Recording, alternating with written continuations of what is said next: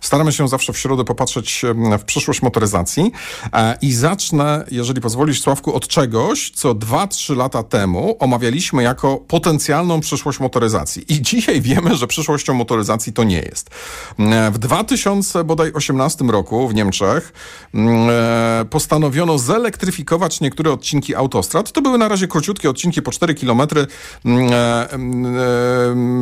Zelektryfikować w taki sposób, że przy przystosowano mm, fragmenty autostrad do przejazdu e, e, ciężarówek specjalnie zbudowanych na potrzeby testów yy, chyba Skania je robiła, ciężarówek, które miały pantografy i były hybrydami, czyli były, miały silnik diesla, no bo musiały jakoś dojechać do tego fragmentu autostrady, ale na tym fragmencie autostrady w sposób taki sterowany yy, GPS-em wysuwał się pantograf, podłączał się do sieci trakcyjnej i auto przejeżdżało na samym prądzie. Co ważne, w związku z tym, że było to sterowane GPS-em, było to dość nieprecyzyjne.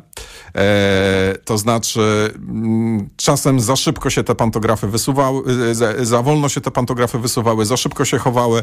I oprócz tego same ciężarówki zostały zbudowane w taki sposób, że nie działało wspomaganie, jak się jechało tą elektryczną e, trasą, bo projektanci doszli do wniosku, że skoro i tak i tak jedzie się tylko prosto, no to po co wspomaganie? Kierowcy zweryfikowali jakby tutaj e, to e, negatywnie czy raczej ich opinia była negatywna. E, ile na to wydano? Około 200 milionów euro. Plany były, plany były takie, że 4000 kilometrów autostrad zostaną zelektryfikowane. 16 miliardów euro mogłoby to kosztować i 300 milionów roczne utrzymanie. Ale to wiemy już teraz, ile by to wszystko mogło kosztować, dlatego że jakby program tych Mm, hybrydowych, e, mm, korzystających z pantografów, jak trolejbus, mm, ciężarówek, e, właśnie to wszystko przechodzi do przeszłości. W tym roku, w przyszłym roku zostaną e, wszystkie te testowe odcinki rozebrane, no i po prostu do widzenia, to podejrzewam, że nikomu więcej się nie będzie chciało do tego, do tego wracać. Jest to decyzja, szczerze mówiąc, zgodna z tym, co mówili przedstawiciele branży tej branży, która nie brała udziału w tym programie testowym, bo tak jak mówię, tam chyba Skania brała udział, e, szef Daimlera, czyli to są ciężarówki Mercedesa w 2021 roku mm, już wtedy mówił, że mm, linia napowietrzna wymagałaby skomplikowanej infrastruktury e, paneuropejskiej o długości tysięcy kilometrów, e, bardzo złożone planowanie, długotrwałe, obarczone dużą niepewnością, technologia praktycznie niemożliwa do pomyślnego wdrożenia. No i jeszcze jeden taki bardzo ważny rzecz, jedna bardzo ważna ważna rzecz i argument. Stałe linie trakcyjne odebrałyby możliwość spedytorom znaczy odebrałyby spedytorom elastyczność, co jest w, tym, w tej branży bardzo, e, bardzo no. ważne. Szef Iveco dodał, że mm, te samochody są do bani, dlatego że mają problem z nadmiernym zużyciem przewodów ładowania. Są bardzo drogie. Taka ciężarówka kosztuje półtora miliona euro, no bo jest i ciężarówką spalinową, i ciężarówką elektryczną. No i jakby o co w ogóle tutaj to wszystko, mm, o co w tym wszystkim chodzi, pytał retorycznie szef e, Iveco. 190 milionów euro niemieckie Ministerstwo Środowiska e, na to wszystko wydało e, i jeszcze bodaj 10 milionów euro na rozwój tak, 10 milionów euro na wsparcie produkcji 20 ciągników e, hybrydowych właśnie z pantografami. Jeżeli dobrze pamiętam, to Skania je zrobiła.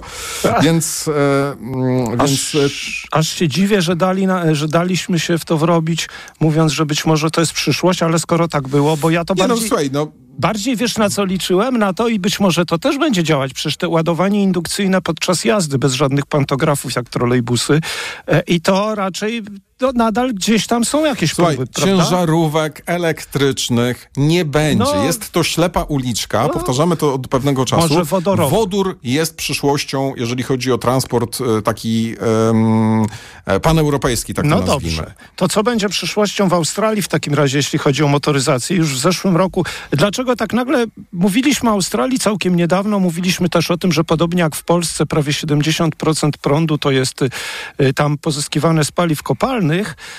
No o ile u nas to z tym słońcem to by było słabo, to w Australii to jest w ogóle marnowanie słońca, okazuje się. A jeszcze, jak ty wspomniałeś, że parę lat temu o tym mówiliśmy, to szukając różnych informacji o Australii, znalazłem taki raport właśnie sprzed pięciu lat, yy, gdzie fachowcy od elektryfikacji motoryzacji stwierdzili, że w roku 2024 Y, samochody elektryczne i spalinowe y, zrównają się, jeśli chodzi o wygodę użytkowania. Dzięki czemu? Dzięki temu, że będą miały podobny zasięg na jednym tankowaniu łamanym przez y, ładowanie, czyli między 500 a 1000 kilometrów. No, może za rok trochę, ale drugie to chyba raczej małe szanse na to, że równie szybko będzie się ładować i tankować. No to raczej nie do zrealizowania chyba jeszcze w przyszłym roku.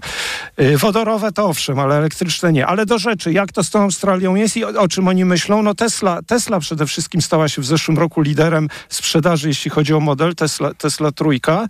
Na trzecim miejscu jest Tesla Y. Y, prze, przeskoczyła Toyoty. Tam Toyota Camry przez wiele lat była liderem sprzedaży, bo tam w ogóle Seaty są bardzo popularne. Y, co mówię, Seaty, pilnuj mnie proszę cię, sedany, bardzo popularne i ta Camry rzeczywiście była przez wiele lat... Nie zdążyłem, sam nie się zdążyłem. Sedany, sedany, no więc y, trójka tutaj to się ładnie wpasowuje w to wszystko, ale y, o co chodzi, o tą przyszłość, jak oni chcą się pozbyć, y, pozbyć tej zależności od y, węgla kamiennego, brunatnego i od gazu. Okazuje się też kolejny raport, ciekawe, czy ktoś z tego skorzysta, Okazuje się, że w Australii można by ponad 90% prądu czerpać ze źródeł odnawialnych, tam głównie słońce, bo tam tak z wiatrem to tak dobrze nie jest, ale pewnie gdzieś nad morzami też jest, czy nad oceanem. Y, natomiast jak można to osiągnąć? Jak można to osiągnąć? Jak oczekują, że da się to osiągnąć? Przede wszystkim trzeba by kupić, a zainstalować, rozstawić prawie tysiąc megapaków. Najlepiej megapaki Tesli o pojemności 120 kWh. Okazuje się, że gdyby takich tych megapaków było tyle, prawie tysiąc, no to yy, byłyby to takie magazyny, które by były zdolne do zapotrzebowania, y, do zaspokojenia zapotrzebowania całej Australii przez 5 godzin, nawet gdyby to słońce nie świeciło, a wiadomo w nocy nie świeci, nawet gdyby ten wiatr nie wiał. No też pomysł jakiś trochę wydaje mi się absurdalne, ale z drugiej strony Australia ogromny kraj, mnóstwo przestrzeni, gdzieś takie megapaki można by postawić. Ktoś przecież jakoś to starał się no, do rzeczywistości zbliżyć, mam nadzieję. Więc gdyby z tego słońca czerpać energię w dużych ilościach, ją magazynować przez parę godzin co najmniej, poniżej 10 i potem ją oddawać do sieci, to okazałoby się, że ten, ta energia z prądu, y, z węgla, i z gazu właściwie nie byłaby tak za bardzo potrzebna. No a awaryjnie, jak wiemy, tam można korzystać z generatorów diesla. Pamiętasz, żeśmy się śmiali, jakie to mhm. oszczędne, że generatorem diesla tam y, coś, coś w tym outbacku y, napędzano. No a ewentualnie jeszcze są elektrownie gazowe. No dobra, to tyle o tej Australii. Y, tam ja dawno nie byłem. Wtedy jak ja byłem kilkanaście lat temu, to chyba żadnego elektryka nie widziałem, a jeszcze pięć lat temu to co tysięczny samochód elektryczny chyba był sprzedawany, bo właściwie nikogo to nie interesowało. No a teraz okazuje się Tesla 3 lider sprzedaży. Proszę bardzo, jak to się szybko zmienia. No, no, słuchaj, poczekamy, zobaczymy, no, wiesz, tak, z tą... Tak. Z tą To są e, pomysły, to są pomysły no. po prostu. Na razie, no. Nikt się za to, to jeszcze to, nie wziął. No, wyliczył ktoś to teoretycznie, no, żeby nie uniezależnić się od węgla i od gazu, to tyle, no po prostu. Słuchaj, jest we Francji takie miał, e, e, małe miasteczko, nazywa się Bonnet. Baune, jakbyś chciał -hmm. to sobie mm, gdzieś tam wpisać, wygooglować. 300 bon. kilometrów od... Nie, Bonnet. Tak? No, to e... chyba tam byłem nawet. 2000 mieszkańców nad Loarą. No. E... A, to Baune. No, no dobra, dobra, okej. Okay. E... I to jest południowy zachód od Paryża, może w ten sposób. -huh. Nie mają to większego znaczenia. Małe miasteczko, ładne miasteczko, jak to we Francji. E, I e, słuchaj, tam mieli taki problem, że no, samochody im za szybko jeździły, po prostu. No i mhm. progi zwalniające.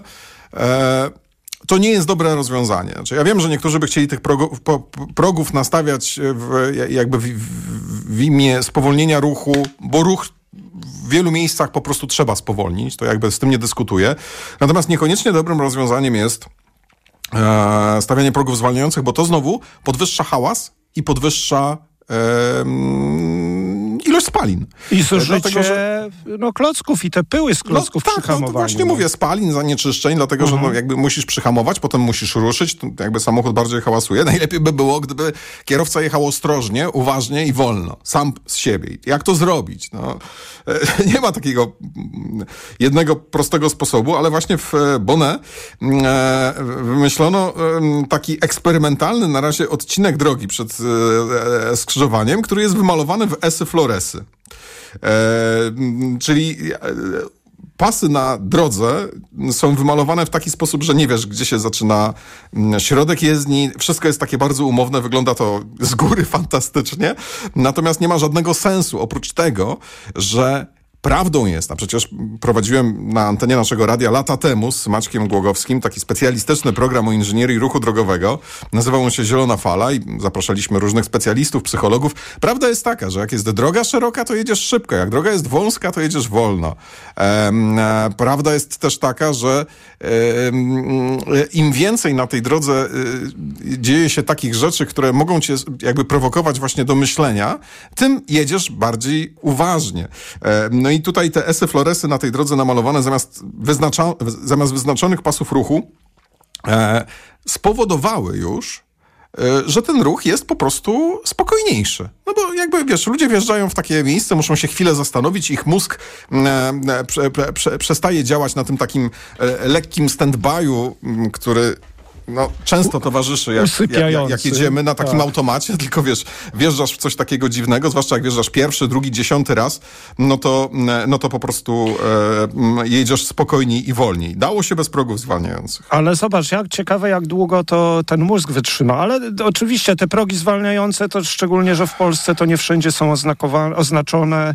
Y, różne są te progi, nie ma standardu według mnie. Znaczy, no, to ta, jak ma, sobie ma, na osiedlu znaczy... założą takie, wiesz, 10-centymetrowe malutkie, to w ogóle ich nie widzisz, a są takie bardzo fajne, łagodne, długie, zupełnie inne. Nie wiem, muszę, muszę się zorientować, jakie są normy tych y, progów zwalniających śpiących policjantów. Okazuje się, to się nie tylko u nas tak nazywa. Dobra, na koniec króciutko. Słuchaj, y, my mówiliśmy przecież, wiemy jak to w Europie jest, jeśli chodzi o sprzedaż samochodów elektrycznych. Podsumowywaliśmy pierwszą połowę tego roku. Tu dwa modele Tesli rządzą, Volkswageny dwa są w pierwszej piątce, ID3, ID4 i Volvo XC40.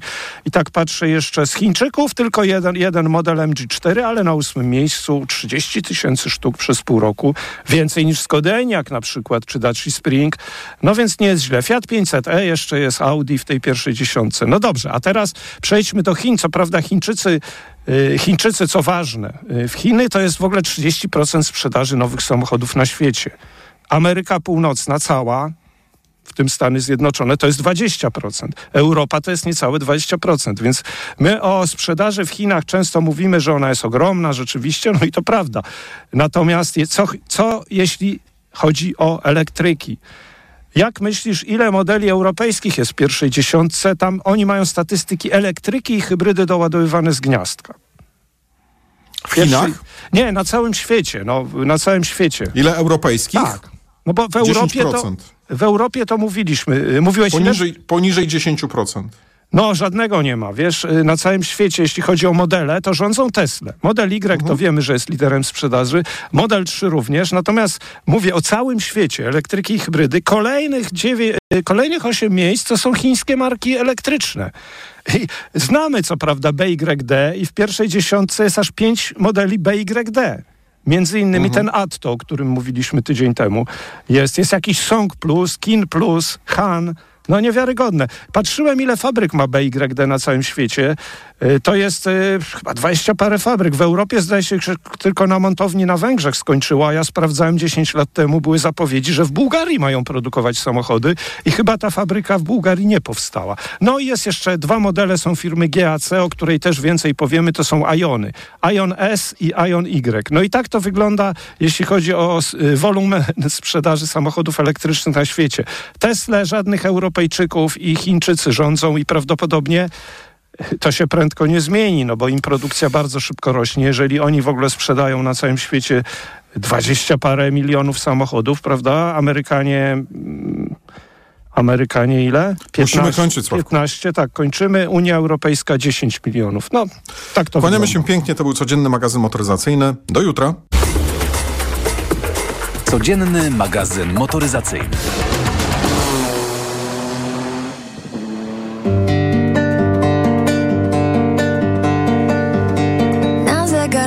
Pierwsza.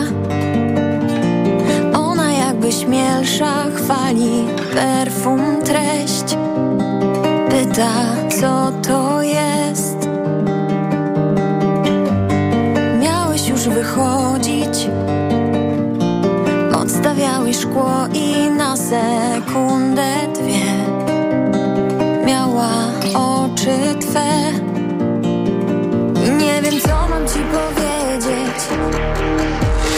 Żal,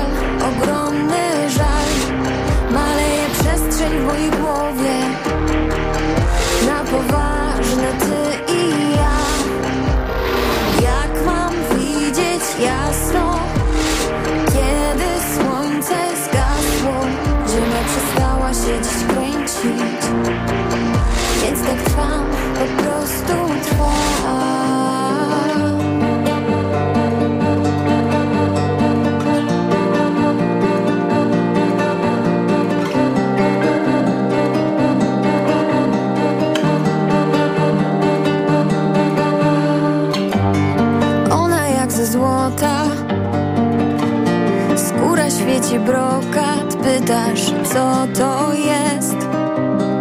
Już złapałeś sieć. Miałeś już wychodzić. Odstawiałeś szkło i na sekundę dwie. Zgubiłeś z oczu mnie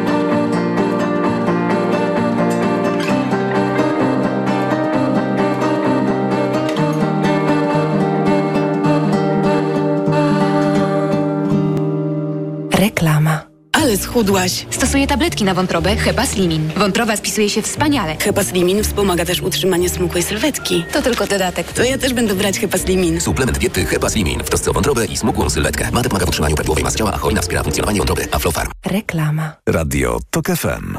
Pierwsze radio informacyjne.